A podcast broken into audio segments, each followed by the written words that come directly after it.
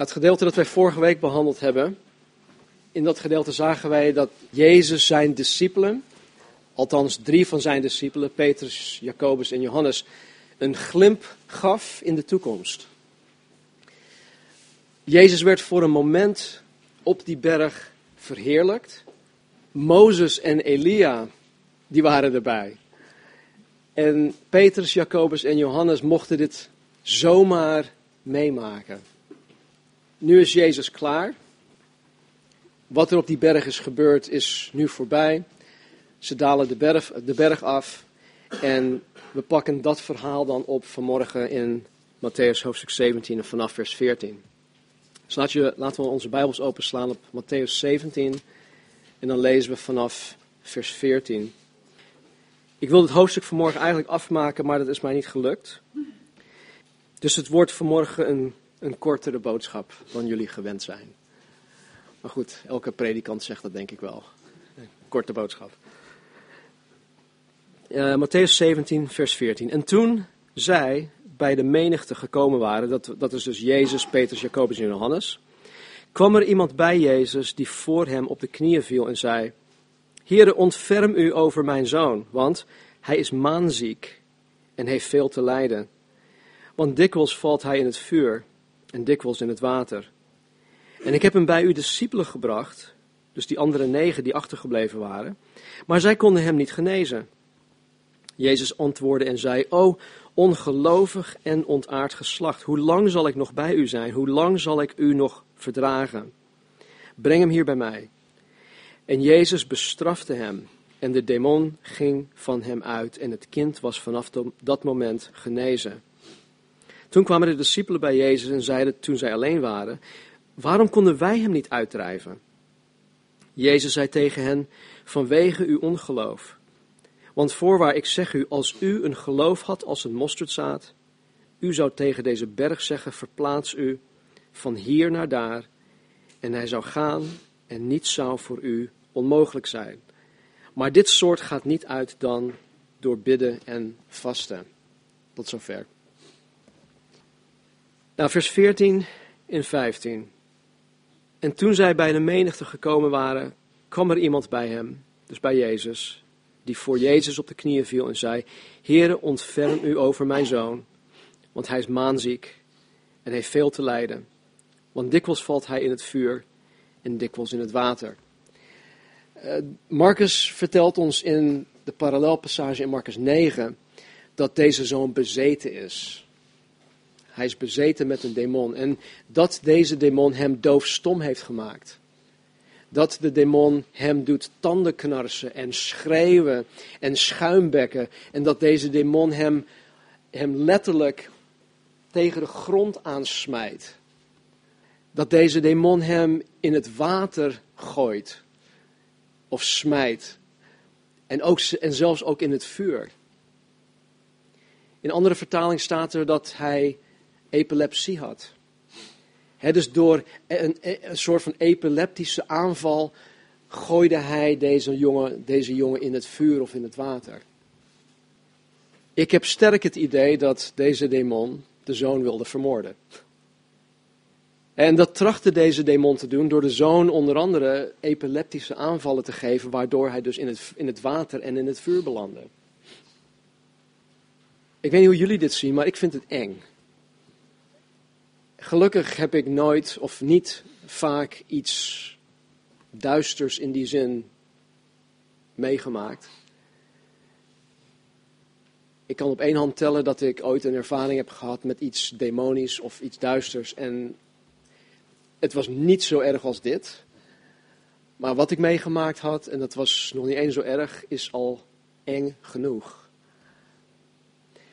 Maar dit is gewoon eng. En weet je, toen ik pas tot geloof was gekomen, las ik hierover in de Bijbel.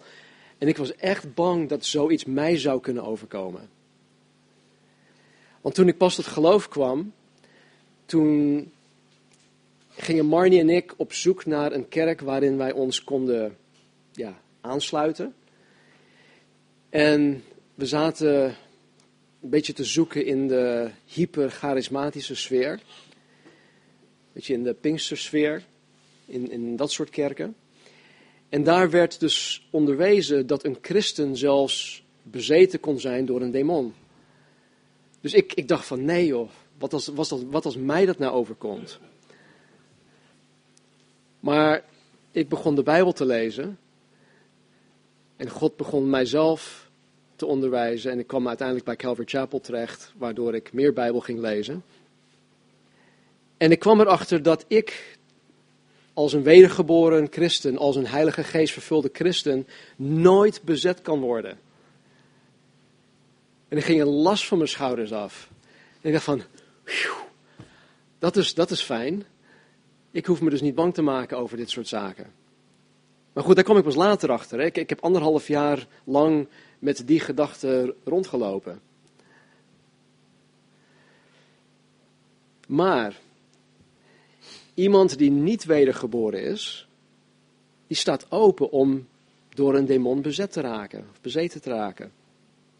Want zonder dat de Heilige Geest in je woont, zou je bezeten kunnen worden door een demon. Het is een wonder dat niet elke persoon die geen christen is, bezeten is. En natuurlijk worden ze wel beïnvloed door. Maar ik weet ook niet hoe, hoe die keuze gemaakt wordt van, nou, die ga ik bezetten, nou, die weer niet, die weer wel. Maar als je niet wedergeboren bent, dan sta je daarvoor open. Dan, dan ben je, ik wil niet zeggen dat je makkelijke prooi bent, maar je bent wel ontvankelijk daarvoor. Er is niets in zo'n persoon dat een demon tegen zou kunnen houden. Tenzij God zelf zegt van nee, van die blijf je af. Want van die, voor die, voor hem of voor haar, daar heb ik een plan. Daar blijf je vanaf. En ik geloof dat dat ook, dat ook gewoon gebeurt. Ik ben op 26-jarige leeftijd tot geloof gekomen. Daarvoor heb ik, heb ik mezelf met hele duistere dingen bezig gehouden. En het is echt Gods hand op mijn leven, zelfs voordat ik tot geloof kwam, dat ik niet door demonische machten of zo bezeten werd of dat ze een, greep op, een grip op mij kregen, in die zin. Maar goed, Jezus en de drie hebben net een, een, een bergtopervaring gehad met God. En de volgende dag, volgens Lucas 9, wanneer ze de berg afdalen, worden ze meteen geconfronteerd met de duistere machten die de mens wil verwoesten. Jullie die al een tijdje meedraaien in het christendom hebben wel eens gehoord dat je een bergtopervaring hebt, of hebt. En dan, dan wordt dat meestal gezegd wanneer je een, uh, naar een conferentie toe gaat, of dat je, dat je je terugtrekt van de dagelijkse sleur voor een week of zo en je bent alleen maar met God bezig, dan heb je een soort van bergtopervaring. Nou, dat komt hier vandaan.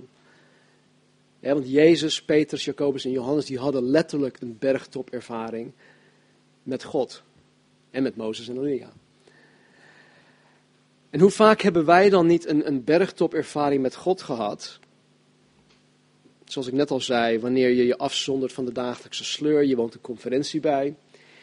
En vervolgens, op weg naar huis, of wanneer je thuis komt, word je meteen al geconfronteerd met de wereld, met je eigen vlees, je eigen ik, en of met de Satan.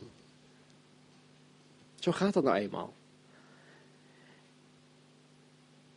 Het is zelfs zo dat wanneer je op de zondagsdienst komt, wanneer je hier bent, hè, dat je een geweldige ontmoeting met God hebt gehad.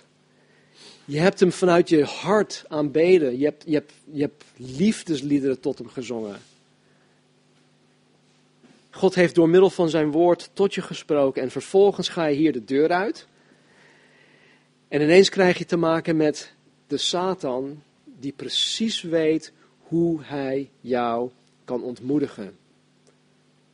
Hoe hij jou kan irriteren, hoe hij jou kan prikkelen en, en, en lam kan leggen.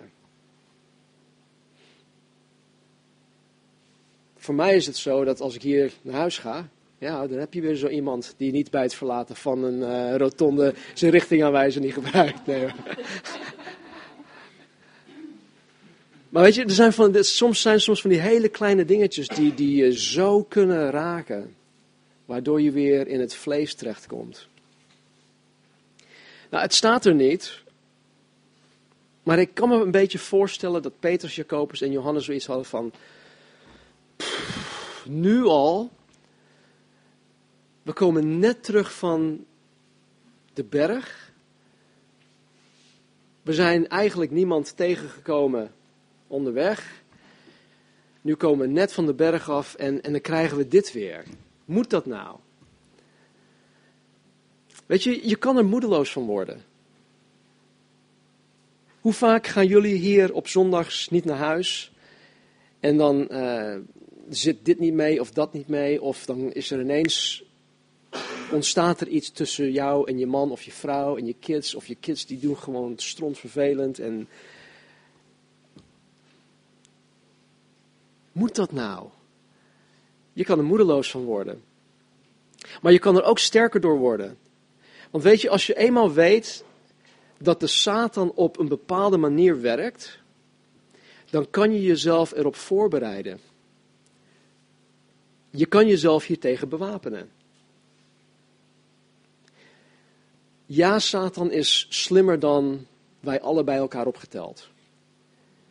Maar zijn MO, zijn manier van werken, de dingen die hij doet, zijn strategie, zijn tactiek, is veelal hetzelfde.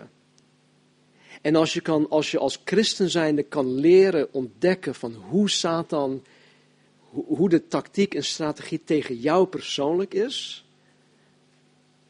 dan kan je jezelf daartegen bewapenen. Jezus was er klaar voor. En dat zullen we zo meteen ook zien. Vers 16. En ik, de Vader dus spreekt hier, en ik heb hem bij uw discipelen gebracht, maar zij konden hem niet genezen. Weet je, ik vind het aan de ene kant heel erg raar. Ik vind het raar dat die negen discipelen hem niet konden of kon genezen. Aan de andere kant zit hierin voor mij persoonlijk, maar ook voor ons allemaal, een essentiële les. Want zoals we straks zullen zien, heeft het te maken met iets dat geloof heet. Weten jullie nog toen wij in uh, Matthäus 10, dat is al heel lang geleden, toen wij daar gelezen hadden dat Jezus zijn discipelen erop uitzond. Hij, hij zond hun op een soort uh, missie. Hij zond hen erop uit om zijn werk te doen, zijn werk uit te breiden. Laten we even teruggaan naar Matthäus 10. Matthäus 10 en dan vers 1. In vers 1 staat dit.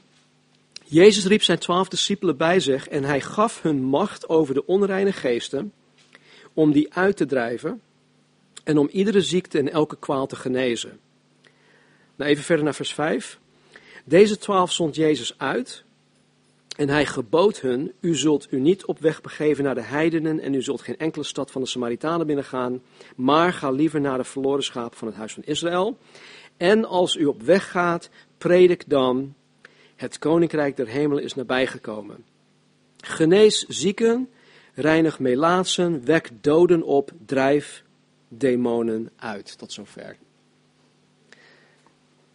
In dit stuk geeft Jezus zijn discipelen niet alleen de opdracht om het te doen.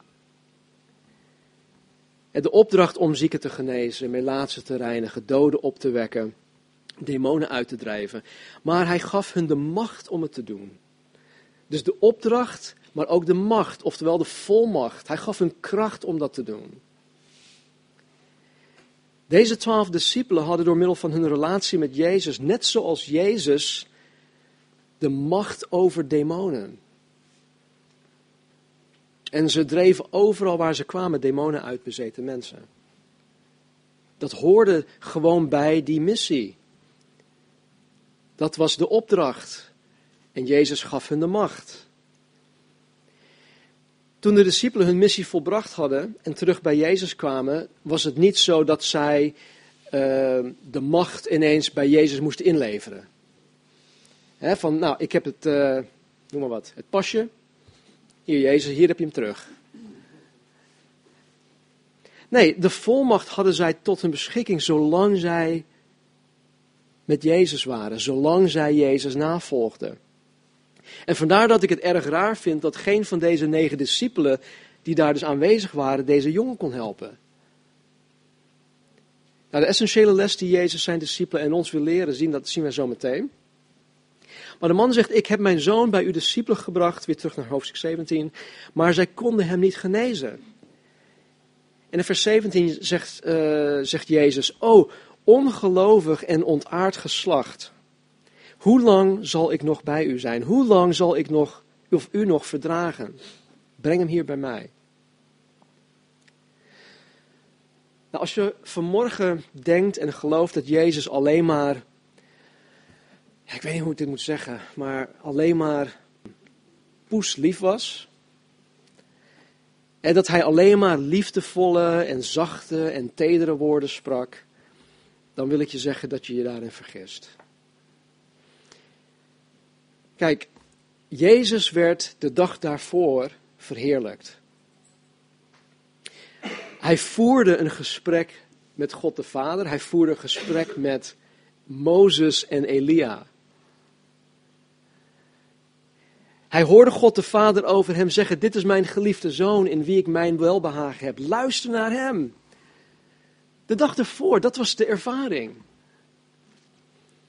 Dus met, met Gods almacht, met de heerlijkheid, met, met die ervaring op zijn netvlies, wordt Jezus nu met deze situatie geconfronteerd. En het lijkt er sterk op dat de moed hem in zijn sandalen zakte.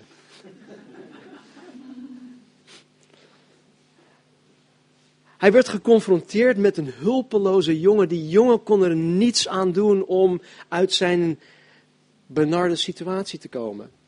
Hij kon er helemaal niks, niets aan doen. Jezus werd geconfronteerd met een hulpeloze vader. De vader kon helemaal niks. Hij werd geconfronteerd met een hulpeloos volk. Sterker nog, hij werd geconfronteerd met zijn hulpeloze discipelen. Waarmee hij dag en nacht optrok, waarin hij zoveel tijd en energie had gestoken. Aan wie hij zoveel geweldige dingen had laten zien, aan wie hij zoveel dingen heeft geleerd. Dan komt hij vanaf de berg. Geweldige ervaring met God, met Elia, met Mozes. Hij zelf werd verheerlijkt. Hij, gaf, hij kreeg zelf ook weer een glimp in de toekomst van wat hem te wachten stond. En ineens, boem, komt hij van de berg af en hij is geconfronteerd met een hulpeloos volk. Ongelovig en ontaard. En het eerste dat Jezus doet, is dat hij hier de hele generatie, want het, het ging om het volk, het Joods volk, die hele generatie. Het, e, het, het eerste wat hij doet, is dat hij deze generatie erop wijst dat zij ongelovig en ontaard zijn. Ontaard zijn. Nou, ongelovig in de zin dat zij niet op God vertrouwden. Zij stelden hun vertrouwen niet echt op God. Want wie God kent, weet dat bij God niets, maar dan ook niets onmogelijk is. En dat is niet zomaar iets dat, dat ik zeg. Het staat er. Ik heb ook heel veel onmogelijke dingen. Ik, ik heb God onmogelijke dingen zien doen. Jullie ook. Het is ongelovig in de, in de zin dat zij niet op God vertrouwden. Ontaard betekent hier eigenlijk verdraaid. Verdraaid. En dan verdraaid in hun denken. Zij waren verdraaid in hun denken. En ze hadden een verdraaide voorstelling of opvatting van God. Dat hadden wij allemaal voordat wij tot geloof kwamen.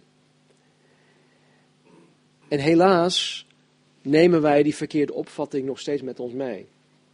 Niet voor niets zegt Paulus in de Romeinen hoofdstuk 12: Word hervormd in je denken. En het is een heiligingsproces.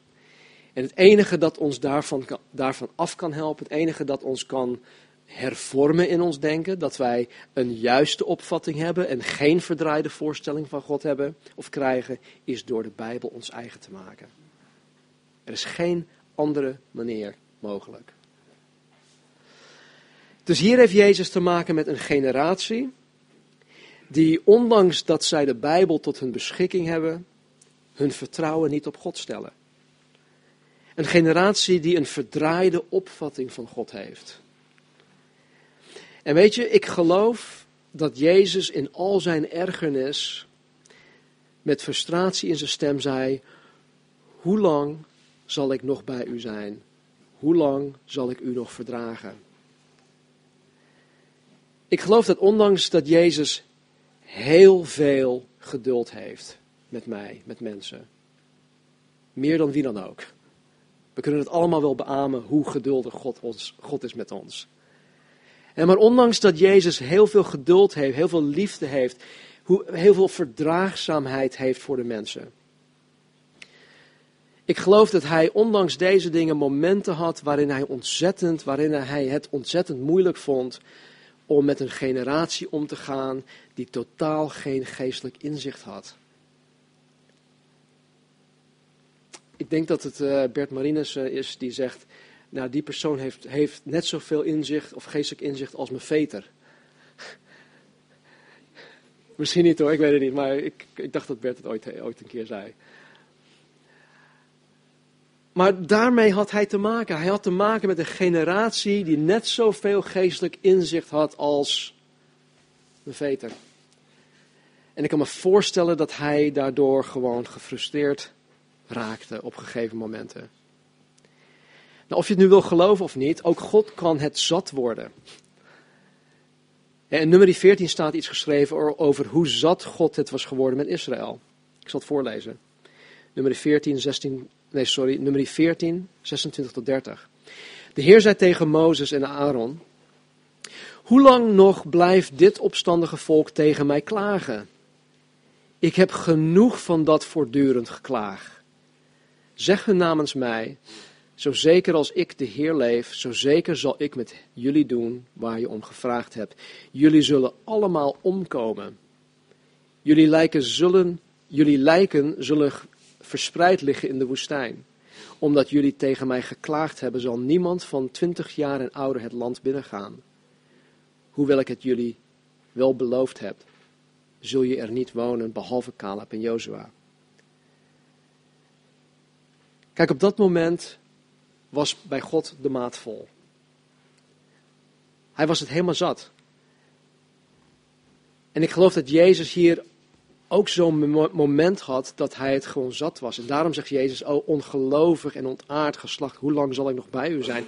Hoe, zal, hoe lang zal ik u nog verdragen? Maar, hele grote maar, ondanks dat Jezus het op dit moment zat was, bleef Jezus liefdevol. Bleef Jezus genadig. Bleef Jezus trouw aan zijn missie. Bleef Jezus trouw aan de mens. Want hij is gekomen om de mens leven te geven. Hij is gekomen om de mens te redden. En hij bleef trouw aan zijn missie. En vandaag de dag, zelfs nu op dit moment, blijft Jezus trouw aan het liefhebben van mensen. In genade. Hij bleef bewogen voor deze, deze, jongen, deze jongen hij was met innerlijke ontferming bewogen over deze jongen. En hij zegt, breng deze jongen hier bij mij. En dan vers 18. En Jezus bestrafte hem en de demon ging van hem uit en het kind was vanaf dat moment genezen. Zoals ik eerder zei, Jezus was er klaar voor. Hij stond paraat. Hij was er klaar voor. Hij was altijd goed voorbereid op dit soort situaties. En het gevolg van zijn voorbereiding, dat hij goed voorbereid was, is dat deze jongen bevrijd werd van de demon en van zijn ziekte. Vers 19. Toen kwamen de discipelen bij Jezus en zeiden toen zij alleen waren: Waarom konden wij hem niet uitdrijven? En de nadruk in hun vraag ligt op wij. Waarom konden wij het niet? En weet je, het is een hele goede vraag. Want tot nu toe konden zij dit wel.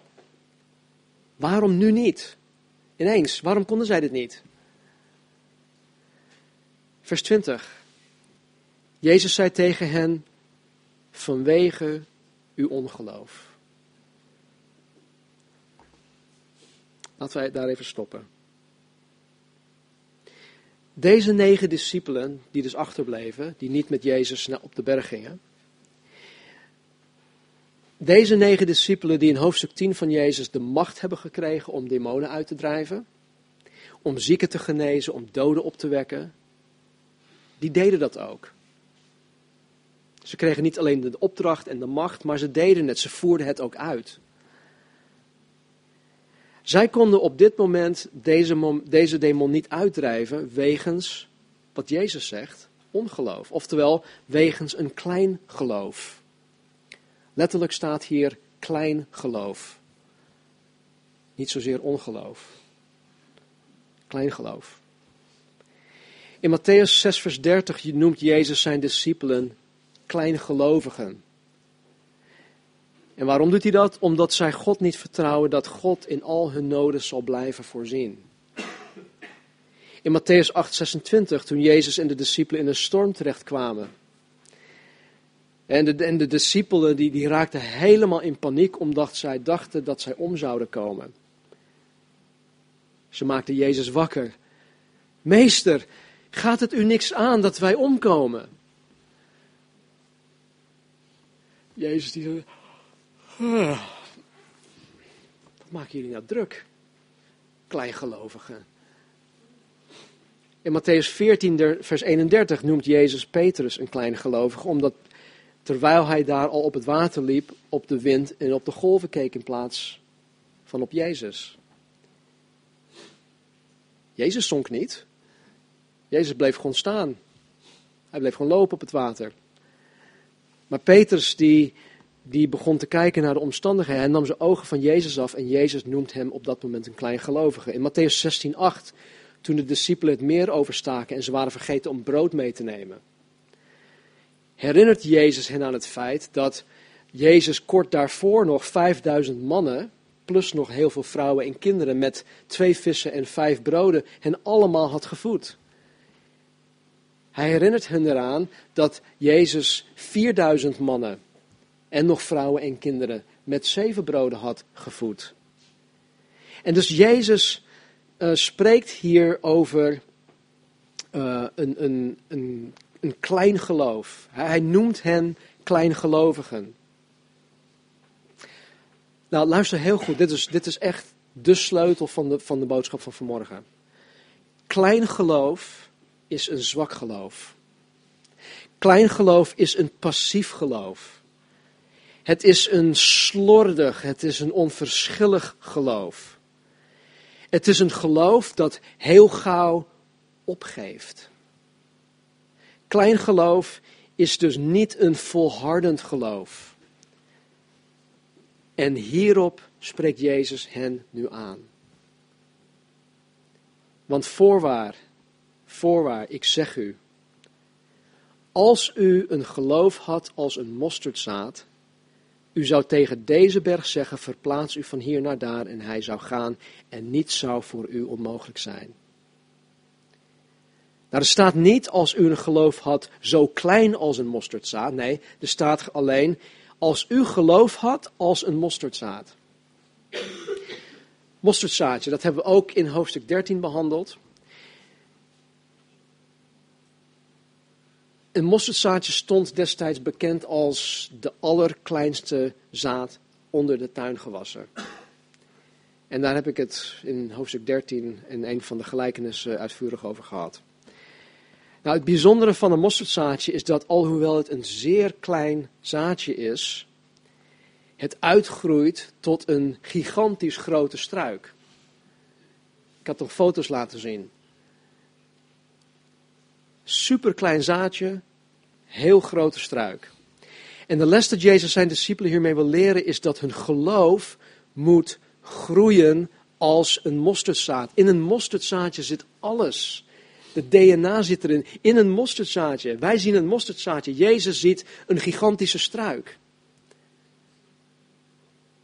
En Jezus zegt dus, als je geloof had, als u een geloof had als een mosterdzaad, dan zou u tegen de berg zeggen, verplaats je en het zou verplaatsen dan zal niets, maar dan ook niets voor jou onmogelijk zijn. Weet je, wellicht raakten deze negen discipelen door de tijd heen een beetje overmoedig of onverschillig in, in hun relatie met God. Wellicht dachten zij dat zij zelf de macht over ziekte en demonen hadden. Dat zij zelf degene waren die demonen uitdreven. Misschien hadden ze ja, de houding van, ah joh, dat doen we wel even. Kom maar, kom maar. Weet je, ik, ik, moet, me, ik moet me elke week weer. Um, ik moet er elke week voor waken dat ik niet in, in de valkuil kom te staan of te liggen of te vallen van, oh, zondag, ah, dat, dat, doe, dat doe ik wel even. Uiteindelijk, ik weet hoe dit moet, ik weet hoe een bijbelstudie te geven, dus ja, dat, dat doe ik wel even. Wellicht werd het voor hen een, soort van routine. Dat kan voor mij ook zo een routine worden. Dat kan voor jullie ook. En het, misschien werd het voor hen een soort van routine. En omdat het tot op dat moment altijd goed ging. En want zo misleiden we onszelf ook. Het gaat toch goed? Lekker doorgaan. En misschien omdat het tot op dat moment altijd goed ging, begonnen zij in hun toewijding aan God gewoon af te zwakken. Weet je, in het begin bad ik voor alles. In het begin bad ik voor dit, ik bad voor dat. Eh, voordat ik de auto instapte, bad ik voor zijn bescherming, zodat ik op de plaats van bestemming veilig aankwam. In het begin bad ik voor dit, voor dat. Nou, ik bad voor alles. Maar ja, nu bid ik niet meer zo vaak of zoveel of voor deze dingen. En dat gaat toch goed. Dus misschien hoef ik niet eens meer te bidden. En dus het ging tot op dat moment altijd goed. En misschien omdat het altijd goed ging, of tot op dat moment goed, en begonnen zij in een toewijding aan God af te zwakken. Ze dachten minder, minder vaak aan God. Ze baden minder tot God, want ze konden het zelf wel. En mensen, dit is voor ons ook iets waar wij echt waakzaam voor moeten zijn. En blijven elke dag opnieuw. Maar we kunnen het zelf wel. Maar nu zij met een onmogelijke situatie geconfronteerd worden, kwamen ze erachter dat de kracht van God hen had verlaten. Ken je het verhaal van Simpson? Simpson, boek Richteren met de Heilige Geest vervuld. De sterkste man ter wereld. Hij had op een gegeven moment niet eens door dat de Geest van God hem had verlaten. Dat is zo triest. En God behoedt ons voor die fout, dat wij die fout ooit zullen maken, dat wij niet eens doorhebben dat de Geest van God ons heeft verlaten. En stom verbaasd vroegen zij Jezus waarom zij dit niet konden doen. Ik kan me een beetje voorstellen hoe dat ging hè, met, met deze negen discipelen. Ze staan er allemaal met de handen in de zak, een beetje te kletsen. En ineens komt die man naar hen toe met de zoon die bezeten is. Ze kijken elkaar allemaal aan van, ga jij maar. Oké, nou, die gaat. En de eerste die probeert dan uh, de demon uit te drijven. De eerste poging lukt het niet. Nou, hij probeert het nog een keer, probeert het nog een keer. Maar dan denkt hij ineens van, hé hey joh, dit lukt niet. Het gaat niet. Waarom gaat het niet? Matthäus, probeer jij het even. En dan probeert die andere het. En ik geloof dat ze misschien stuk voor stuk alle negen het geprobeerd hebben. Maar één voor één faalden ze erin. Jezus leert ons in de bergreden in Matthäus 7 hoe wij horen te bidden. Jezus zegt: Bid en u zal gegeven worden. Zoek en u zult vinden. Klop en er zal voor u open gedaan worden. Want ieder die bidt, die ontvangt. Wie zoekt, die vindt. En voor wie klopt, zal open gedaan worden. Nou, de werkwoordsvorm in deze verse laat ons zien dat wij moeten blijven bidden. Blijven bidden. Blijf voortdurend bidden. Blijf voortdurend zoeken. Blijf voortdurend kloppen.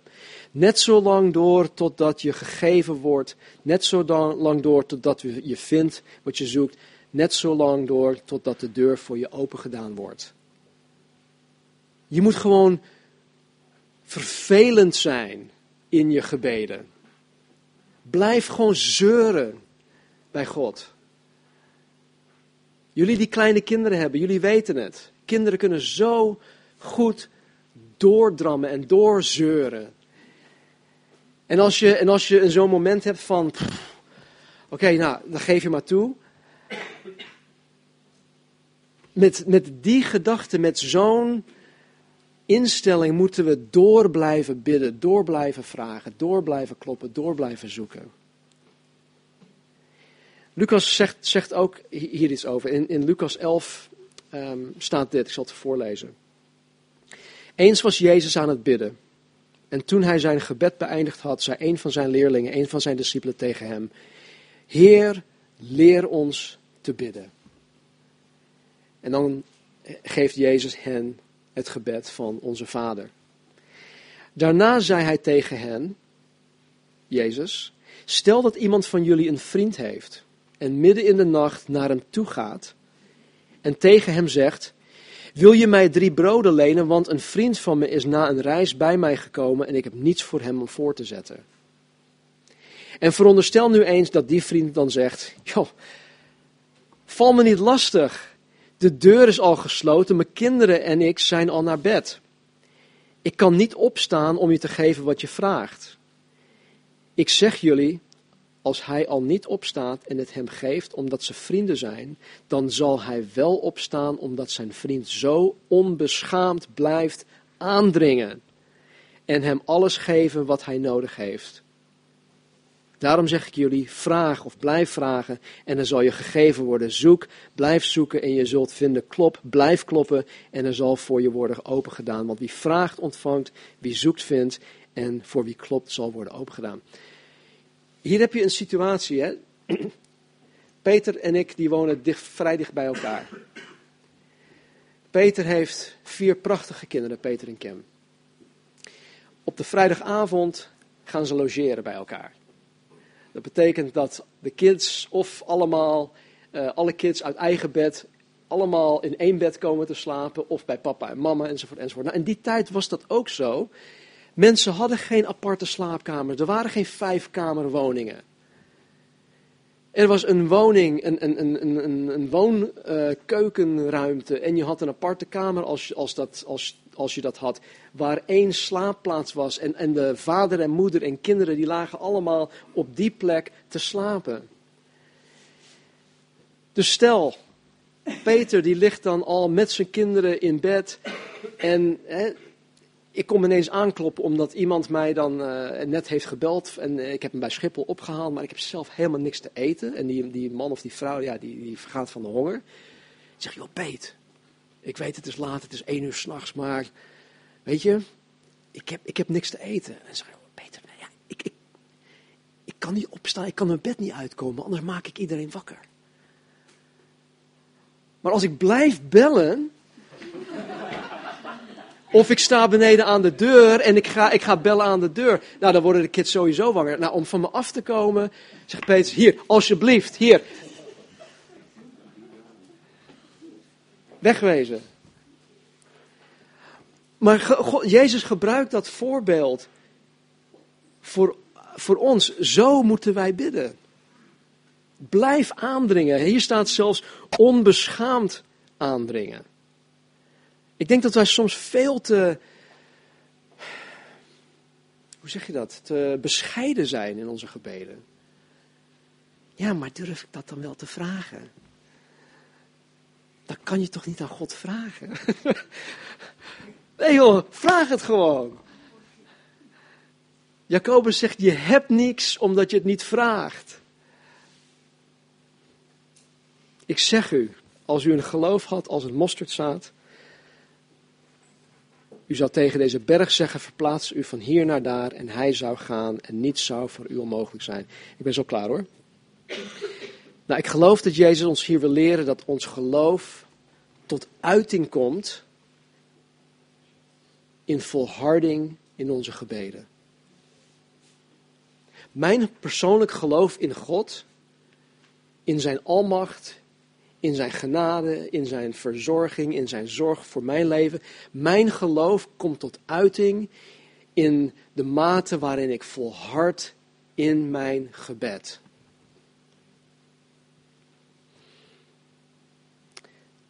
Geloof dat klein is,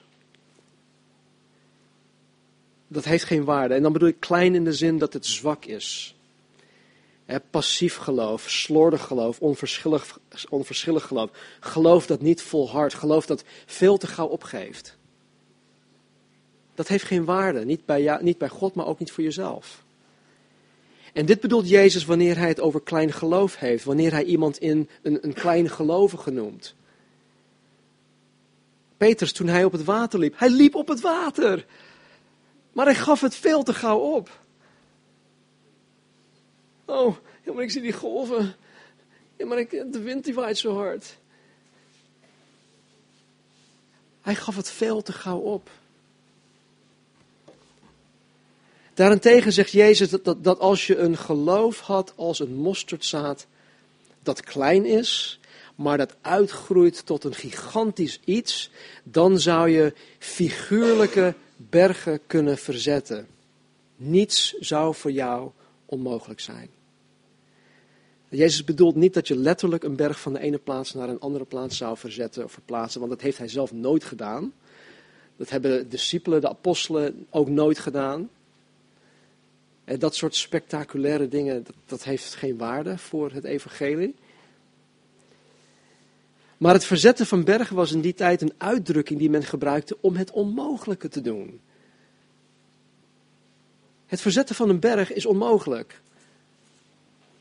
Nu heb je natuurlijk allerlei grote machines en dat soort dingen. En, maar goed, jullie weten wat ik bedoel. Een berg verzetten is voor de mens onmogelijk. Vers 21, en dan sluit ik hiermee af. Maar dit soort gaat niet uit dan door bidden en vasten. Nou, dit vers komt in de meeste handschriften eh, voor. Vandaar dat het ook in onze Bijbel staat. Maar het komt niet voor in de oudste handschrift. En om die reden hebben sommige Bijbelvertalers dit vers eruit gelaten. Als je naar sommige Engelstalige Bijbels leest, dan, dan zie je vers 20 en dan slaat het vers 21 helemaal over. En dan pakt het het op bij vers 22. Dus het wordt gewoon eruit gelaten. Maar hoe dan ook, dezezelfde woorden die staan wel in het evangelie van Marcus aan het eind van dit stuk. Dus of het nu hier in Matthäus staat, wel of niet, of in, het staat wel in Marcus, ga ik het behandelen alsof het gewoon hier in Matthäus ook behoort. Nou goed, Jezus heeft het hier over dit soort. Nou, dit betekent niet dat deze demon een bijzondere demon is, hè, dat, uh, dat, dat het een bijzondere aanpak vereist door middel van het binnen en vasten. Dit soort geeft simpelweg aan dat Jezus het over demonen aan zich heeft. Dit soort, demonen. Demonen gaan eruit door bidden en vasten. Of demonen gaan er niet zomaar uit zonder bidden en vasten. Nou, vasten gaat altijd gepaard met bidden. Ik ga het niet al te, al, te, diep op in, maar vasten hoort altijd gepaard te gaan met bidden. Want vasten op zichzelf, dat heeft geen waarde. Althans, het heeft geen geestelijke waarde. Als je bijvoorbeeld, ehm, je gaat maandagochtend naar je werk toe en je zegt van nou, ik ga eh, maandag, dinsdag, woensdag vasten. Je bent gewoon heel intensief bezig met je werk. Of je nu fysiek werk doet of mentaal werk. Tegen de lunchtijd of tegen vier uur, smiddags op maandag, nou, dan verga je van de honger. Ja, je lichaam die schreeuwt om een kappensoep. Je lichaam die, die geeft gewoon aan van, hé, hey, ik heb wat eten nodig. Je krijgt hoofdpijn, je wordt, je wordt zwak.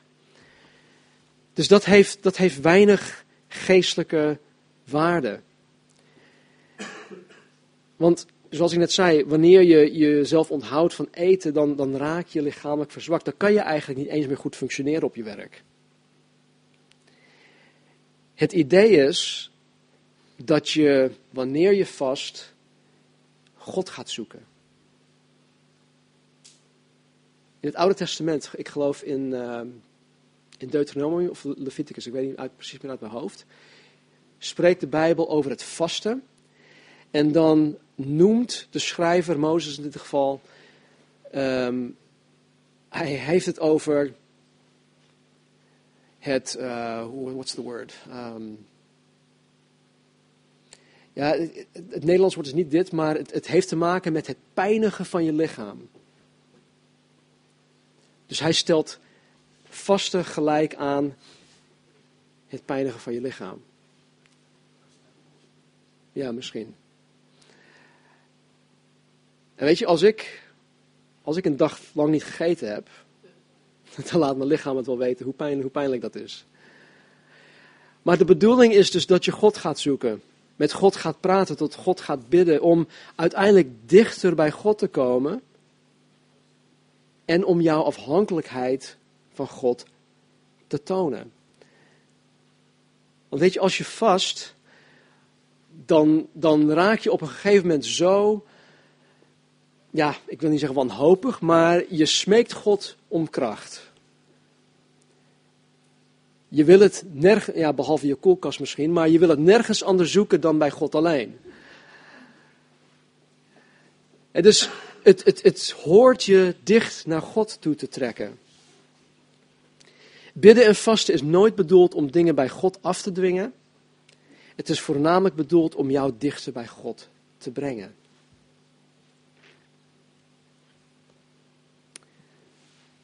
En ja, in deze situatie met de discipelen, wanneer het doen van de werken van God niet gepaard gaat met ootmoedige overgave, overgave aan God, door middel van bidden en vasten, zoals we dat constant in Jezus leven zien, dan gaat het doen van wonderen een eigen leven leiden. Dan krijg je zoiets van, nou dat doe ik wel even. En weet je, dan wordt de gave losgemaakt van de gever. En God behoedt ons van die houding, van die fout te maken, dat de gaven die God ons heeft gegeven, dat wij gaan denken dat dat gewoon iets is dat wij zelf kunnen. Ik vond het zo mooi, Sanko, die, ik, haalde hem gisteren op voor de mannenochtend. En hij was zo verbaasd. Hij zegt, weet je Stan, even in mijn eigen woorden. Ik kan niet geloven dat God mij gebruikt om een bijbelstudie te geven. Hij zegt, het is ongelooflijk. Toen hij vorig jaar van Amsterdam naar, naar uh, Sint Anna Parochie, zegt dat goed, ja? Ging, toen had ik al een idee van, weet je, ik geloof dat God jou daar plaatst omdat God jou daar wil gebruiken. Nou, God gebruikt Sanko daar. Hij komt daar samen met een, met, met een handjevol mensen en hij opent de Bijbel en hij leest het voor en hij, hij bemoedigt die mensen daar. Asielzoekers hebben het niet makkelijk. Ze zitten continu in de stress. Heel veel van hun weten niet wat er met hun gaat gebeuren. En wat doet God? God plaatst Sanko daar om de mensen daar te bemoedigen, om de kracht te geven. Maar hij, hij zegt van, ik kan niet geloven dat God mij daarvoor kan gebruiken. Ik had het nooit kunnen voorstellen, zoiets. Nou, met die houding, met die hartsgesteldheid horen wij God te dienen. Als ik ooit het idee, het stomme idee in mijn hoofd krijg van, joh, ik kan dit wel, ik doe dit wel. Dan heb ik liever dat God mij gewoon verwijdert, dan dat hij mij in die waan laat doorgaan. Als je een geweldige muzikant bent, en je kan geweldig gitaar spelen, en je, je oefent om zondag hier voor te gaan, om de, om de gemeente in aanbidding te leiden. En je maakt je setlist, hè, en je, maakt, je, hebt, je hebt vijf liederen. Nou, die vijf liederen die ken ik wel. Ik hoef deze week eigenlijk niet te oefenen. Dan kom je hier, dan kom je hier zondagochtend aan. Met je gitaartje, met je lead sheets. En dan ga je ervoor. Ik geloof niet dat dat is wat God van je verlangt. God wil dat je door de week samen met Hem worstelt. Dat je samen die liederen al met hem doorneemt. Dat je al tot hem zingt. Dat je je hart voorbereidt om samen met God hier te staan om de gemeente te leiden in aanbidding. Het gaat niet om jouw eigen bekwaamheid. En ik denk dat dat is de fout die zij hier maakten.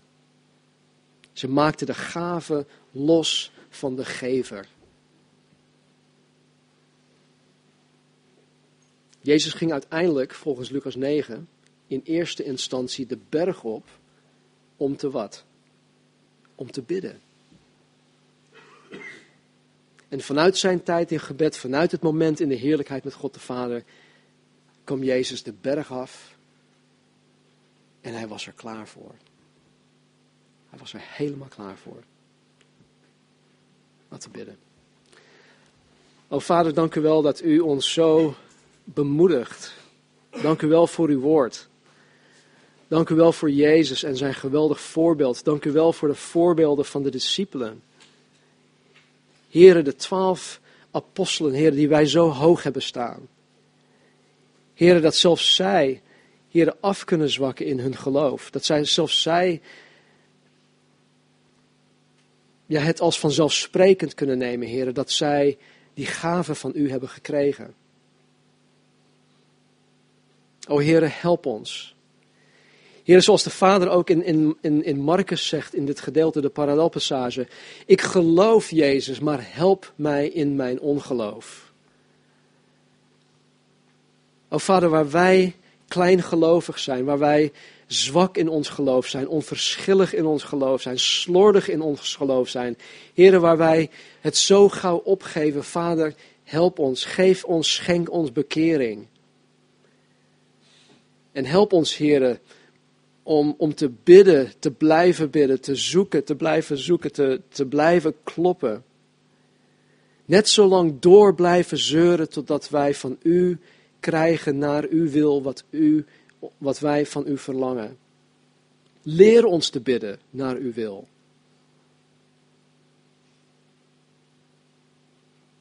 Dank u wel, Vader.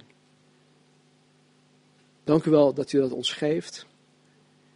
Dank u wel dat u ons hier weer ja, mee confronteert.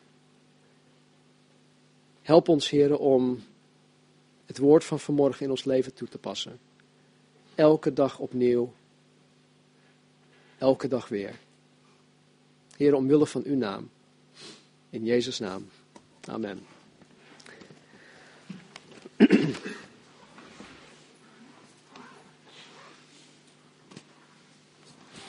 Laten we staan.